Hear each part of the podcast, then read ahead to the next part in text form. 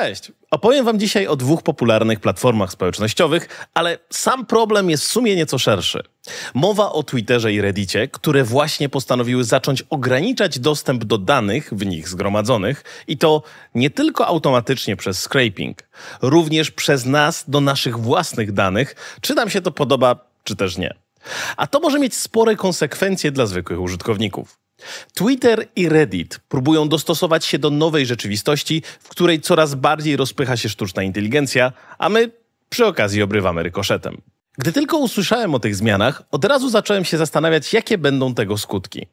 Twitter ogranicza dostęp do treści tylko dla zarejestrowanych użytkowników? No, co za paradoks. Czy naprawdę chcemy, żeby informacje i nasze opinie były uwięzione w tej zamkniętej społeczności? A co z Redditem? Oznaczanie subredditów jako zawierających treści dla dorosłych lub czynienie ich prywatnymi może oznaczać ograniczenie dostępu do interesujących i różnorodnych treści dla wielu osób. Ale wiecie co? Nie będę już robił spoilerów na ten temat. Sprawdźmy po prostu, co to wszystko oznacza dla nas. Razem przemyślimy nasze bezpieczeństwo online i zastanowimy się, jak możemy przystosować się do tych zmian. I przede wszystkim, kto tak naprawdę zarabia na wykorzystywaniu naszych danych. Zapraszam.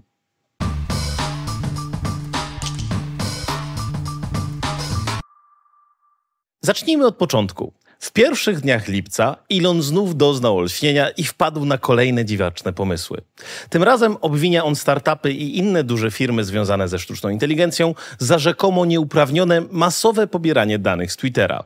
W ślad za tym zmuszony został do wprowadzenia tymczasowych limitów w dostępie do swojego portalu. Od teraz trzeba mieć konto, żeby cokolwiek przeczytać, a jak chcecie zobaczyć więcej niż 600 tweetów dziennie, to już musicie zapłacić za Twitter Blue, aby być zweryfikowanymi. I to niezależnie jak duże konto prowadzicie i ilu obserwujących posiadacie, a tym samym ile ruchu zyskuje dzięki wam firma Ilona. Osoby takie jak Stephen King, LeBron James i inni z ponad milionem obserwujących, pomimo płacenia za subskrypcję, nadal będą mogły przeczytać tylko 6 tysięcy tweetów dziennie. Ciekawe. Może niedługo zostanie wprowadzone płatne rozszerzenie w postaci DLC, dzięki któremu będzie można zwiększyć limit. Ograniczenia te pojawiły się dzień po tym, jak Twitter nagle zaczął blokować dostęp dla osób niezalogowanych, co Musk uzasadnił koniecznością ochrony przed kilkuset organizacjami, które bardzo agresywnie skrapowały, czyli zbierały dane z Twittera, co miało wpływ na rzeczywiste doświadczenia użytkowników. To tylko jedna z wielu prób na skomercjalizowanie niebieskiego ptaszka w ostatnich miesiącach. Firma ogłosiła w marcu trzyetapowe zmiany w dostępie do API i między innymi stanie się ono płatne. Stało się to zaledwie 3 miesiące po wprowadzeniu odświeżonej subskrypcji Twitter Blue za 8 dolarów miesięcznie, dającej możliwość weryfikacji konta. Nie była to oczywiście jednak jedyna zmiana. Musk zastąpił siebie na stanowisku dyrektora generalnego Lindą Jaccarino, byłą kierowniczką do spraw reklamy w NBC Universal, która została zatrudniona, aby odbudować relacje z reklamodawcami, którzy drastycznie ograniczyli wydatki na Twittera, w związku z tym całym zamieszaniem wokół portalu. A jeżeli już mowa o API, czyli interfejsie programistycznym, to drugi wielki portal też ostatnio podpadł internautom. Reddit to jedna z najstarszych i największych społeczności online na świecie. Założony w 2005 roku serwis tytułuje się stroną główną internetu. Chwytliwe hasło, które w zasadzie oznacza, że jeżeli coś jest interesujące lub ważne, to można to znaleźć na Reddicie. Drobnym druczkiem należałoby dodać, że wszystko dzięki użytkownikom, którzy dostarczają treści, oceniają je oraz komentują. Portal z czasem stał się ogromną kolekcją społeczności zwanych subredditami lub subami, gdzie ludzie mogą się gromadzić i rozmawiać na każdy temat. Dosłownie każdy. Duże firmy mają swoje oficjalne suby, gdzie prowadzą oficjalną komunikację z użytkownikami, a jednocześnie na portalu można znaleźć miejsca poświęcone rzeźbom z zapałek czy celebracji pępków różnych celebrytów. O niszowych zespołach muzycznych nawet nie wspomnę. Przeważająca część zawartości na Reddicie jest tworzona przez społeczność użytkowników, zaś subreddity są moderowane przez ochotników. Innymi słowy, Reddit polega całkowicie na nieodpłatnej pracy, zarówno w dostarczaniu, jak i moderowaniu treści. Kojarzycie, co jeszcze działa w podobny sposób? Na przykład Wikipedia. Jest jednak pomiędzy nimi bardzo ważna różnica. Internetowa encyklopedia jest prowadzona przez organizację non-profit, podczas gdy Reddit zaczynał jako startup, który pozyskał ponad miliard dolarów z inwestycji, a obecnie jest wyceniany na około 15 razy tyle. Pomimo tak dużej wartości, firma istnieje właściwie tylko dzięki społeczności użytkowników. A tych ostatnio zdenerwowała wprowadzając potężne opłaty za dostęp do API. Tylko co to właściwie znaczy? No, API to taki sposób, aby różne programy mogły się ze sobą komunikować i wymieniać informacjami. W tym wypadku umożliwia tworzenie aplikacji i narzędzi, które ułatwiają korzystanie z Reddita. Ale teraz firma chce, żeby wszyscy płacili za możliwość korzystania z ich API. Oczywiście takie zmiany mają wpływ na użytkowników platformy, czyli twórców treści. Przede wszystkim oznacza to, że dostęp do różnych narzędzi i aplikacji, które ułatwiają obsługę portalu, może stać się płatny lub po prostu przestaną one istnieć. A to dla wielu brzmi jak katastrofa. Dlaczego? Choćby dlatego, że w pewnym momencie twórcy zaczynają korzystać z różnych automatyzacji, które ułatwiają ich pracę. Niezależnie czy publikujecie na YouTubie, Instagramie czy innym TikToku, efekt skali w pewnym momencie po prostu to na was wymusi. Sam też korzystam z pewnych narzędzi, które ułatwiają mi życie, więc jak będziecie tym tematem zainteresowani, to kiedyś chętnie opowiem wam o moim warsztacie. No ale do brzegu. Jak te zmiany wpływają na twórców treści? Cóż, mogą one oznaczać potrzebę znalezienia alternatywnych rozwiązań, skorzystanie z innych narzędzi albo po prostu dostosowanie się do nowych zasad. Czas pokaże, ale co można zrobić tu i teraz, to dać upust swojej frustracji, protestując w kreatywny sposób. Jednym z katalizatorów protestów na Reddicie była sytuacja związana z aplikacją Apollo. Przed kwietniem 2023 roku dostęp do API na Reddicie był głównie darmowy, o ile nie przekraczało się dość szczodrych limitów. Mniej więcej w połowie tego miesiąca jednak portal zapowiedział niekorzystne zmiany w swoim cenniku. Dotychczasowa polityka pozwalająca wielu firmom tworzyć produkty, które poprawiały pewne aspekty portalu, miała odejść do lamusa. Jednym z dotkniętych zmianami jest Apollo, aplikacja mobilna dla iOS-a, uznawana za lepszą od oficjalnej apki Reddita, co nie jest w sumie wielką sztuką, bo ta stworzona przez jeden z największych portali na świecie szeroko uznawana jest za tragiczną. Apollo wprowadza wiele świetnych funkcji, z których użytkownicy i moderatorzy korzystają na co dzień. No ale po niedawnych zmianach, zgodnie z oficjalnym cennikiem Reddita, korzystanie z dostępu programistycznego będzie kosztowało jego twórcę 12 tysięcy dolarów za 50 milionów wywołań. Brzmi to jak niebotyczna wartość? No nie bardzo. Takie wywołania zdarzają się często. Na tyle często, że nawet aplikacje z kilkoma tysiącami użytkowników mogą przekroczyć tę liczbę w ekspresowym tempie. Według twórcy Apollo, Christiana Seliga, w maju tego roku zużywał on ponad 7 miliardów wywołań miesięcznie. To oznacza, że dalsze korzystanie z niego w dotychczasowy sposób przez jego obecnych użytkowników kosztowałoby niemal 2 miliony dolarów miesięcznie lub prawie 20 milionów dolarów rocznie, co Selig uważa za astronomicznie nierozsądną kwotę. Zresztą nie tylko on jeden, bo w imię Solidarności fala protestów przetoczyła się przez praktycznie cały portal. I właściwie nie cichnie aż do połowy lipca, kiedy nagrywam dla Was ten materiał. Użytkownicy i moderatorzy Reddita, nazywani często redditorami, nie przyjęli zbyt życzliwie wiadomości o tym, że koszty spowodują zamknięcie wielu firm, które nie nazywają się Microsoftem czy Googlem. Oczywiście rzeczywistość nie jest taka zero-jedynkowa, ale ciężko rozmawiać merytorycznie, gdy w grę wchodzą wielkie emocje. Wielu członków społeczności zapytało zresztą wprost, czy Reddit mógłby stworzyć rozsądniejszą strukturę cenową, zwłaszcza dla aplikacji takich jak Apollo, które poprawiają doświadczenia użytkowników w korzystaniu z platformy, czyniąc ją po prostu przyjemniejszą w codziennym przeglądaniu. Wiecie, to jak stworzenie aplikacji, która umożliwia wyszukiwanie po słowach kluczowych na wykopie. CEO Reddita, Steve Huffman, tylko podkręcił napięcie, gdy odmówił ustępstw, nazywając protestujących dzieciakami. No, Może nie wprost, ale taki był ogólny wydźwięk jego słów. Stwierdził również, że większość korzystających z serwisu nie będzie się przejmować tymi kosztami, a to mniejszość moderatorów i użytkowników robi hałas w związku z wprowadzonymi zmianami. No i się zaczęło.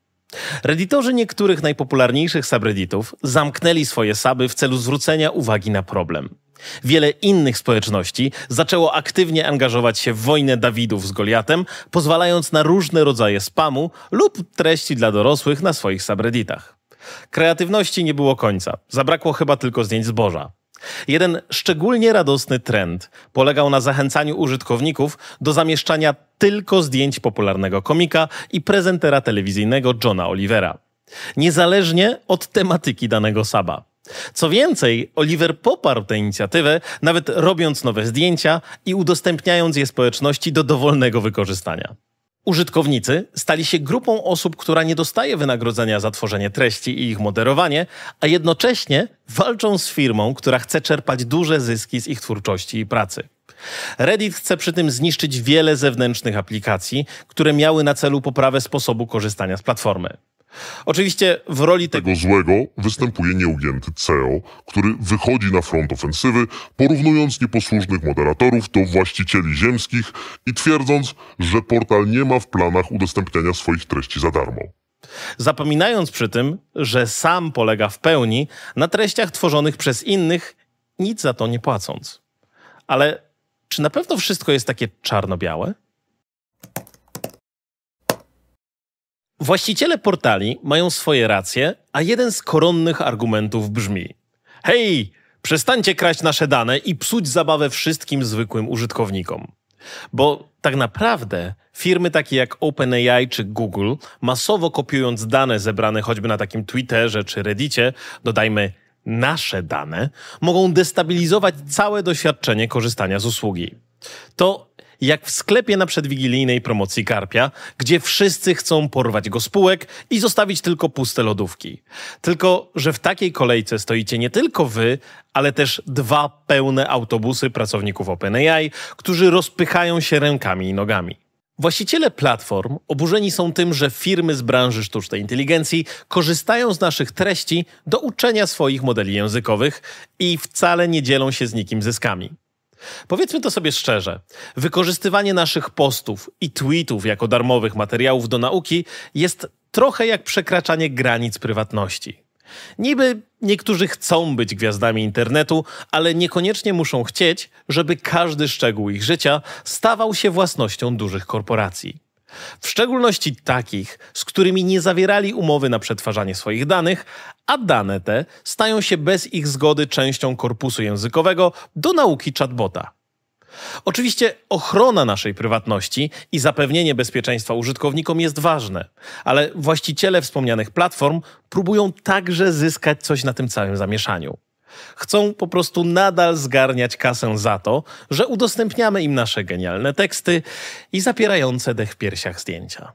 Zawartość pochodząca z Twittera czy Reddita jest wykorzystywana na wiele sposobów. Na przykład w celu przeprowadzania badań rynkowych czy też naukowej analizy danych.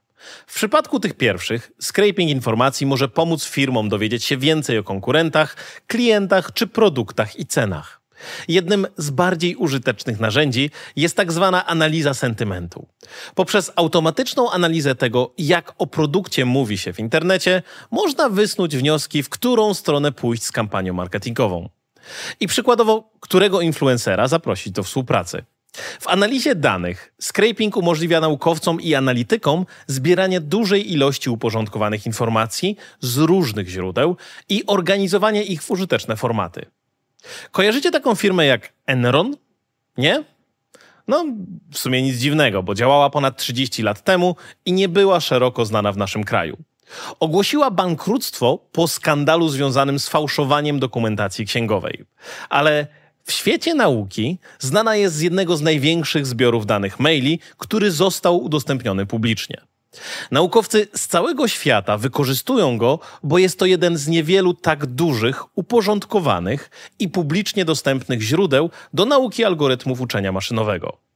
Ale cały ten zbiór to i tak drobny procent tego, co można dzisiaj znaleźć na Twitterze czy Reddicie. Takie dane mogą być wykorzystane w biznesie na wiele sposobów. Firmy mogą na podstawie bieżących trendów poprawiać swój wizerunek w mediach społecznościowych. Ulepszają również swoje wyniki wyszukiwania, wykorzystując to, co dzieje się w danej chwili na Twitterze. W czasie wyborów parlamentarnych w naszym kraju bardzo dużą popularnością cieszyły się sprawozdania cenowe z bazarku warzywnego.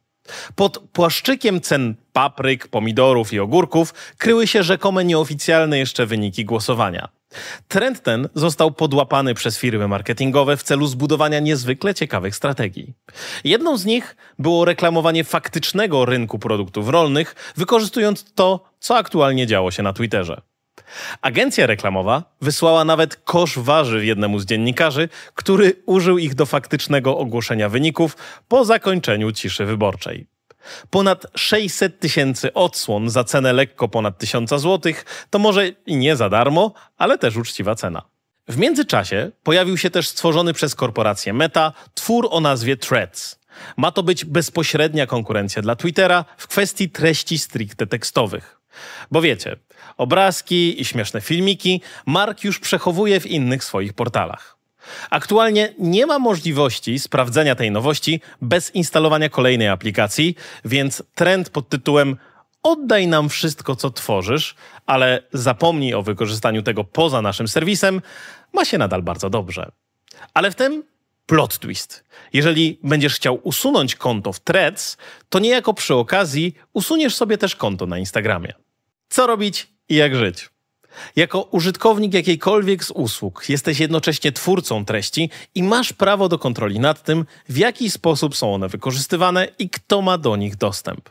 Wprowadzenie ograniczeń przez platformy takie jak Twitter czy Reddit może zmienić sposób, w jaki korzystasz z internetu. Oby tylko nie czekał nas powrót do zamknięcia treści za kolejnymi abonamentami i koniecznością rejestracji na dziesiątkach portali. Internet powstał jako miejsce, w którym nieskrępowanie możesz dzielić się wiedzą, poglądami oraz prowadzić dyskusje i dobrze by było, jakby tak zostało. W przeciwnym wypadku staniesz się kolejnym trybikiem generującym treści, na którym zarabiać będą duże portale. Naukowcy również napotykają trudności w dostępie do różnych danych, które są często chronione mniej lub bardziej wyrafinowanymi zabezpieczeniami. Omijanie ich zresztą leży mocno w szarej strefie prawa. Jednak istnieją platformy takie jak Kaggle, które stanowią wyjątek, gdzie firmy udostępniają swoje dane w nadziei na pomoc w ich analizie. I robią to w sposób jawny i otwarty, a do tego często towarzyszy temu również nagroda finansowa. Takie bug bounty, ale nie dla bezpieczników, a dla analityków danych. Google zaktualizował swoją politykę prywatności i ma to kilka interesujących konsekwencji. Mają teraz prawo do skrapowania praktycznie wszystkiego, co zamieszczasz w sieci i wykorzystywania tego w swoich narzędziach sztucznej inteligencji. Więc jeżeli często wyrażałeś swoje myśli w internecie, to nie dziw się, jeżeli teraz wylądowały one w brzuchu jakiegoś chatbota, tworząc esej o życiu i technologii. Według Google korzystają z tych informacji w celu doskonalenia swoich usług i tworzenia nowych produktów. To jakby tworzyli armię AI, szkoląc ją na słowach nieświadomych użytkowników sieci. Kto wie, może wkrótce będziemy mieli Google tłumacza, który perfekcyjnie przetłumaczy nam szekspirowskie wyzwiska. Albo AI Barda, który będzie pisał kolejną epicką pastę o wędkarzu na każde skinienie naszej ręki. Prawo dostępu do swoich danych staje się coraz ważniejsze, a równocześnie istnieje potrzeba znalezienia równowagi między ochroną prywatności a wykorzystaniem ich w celach naukowych czy innowacyjnych.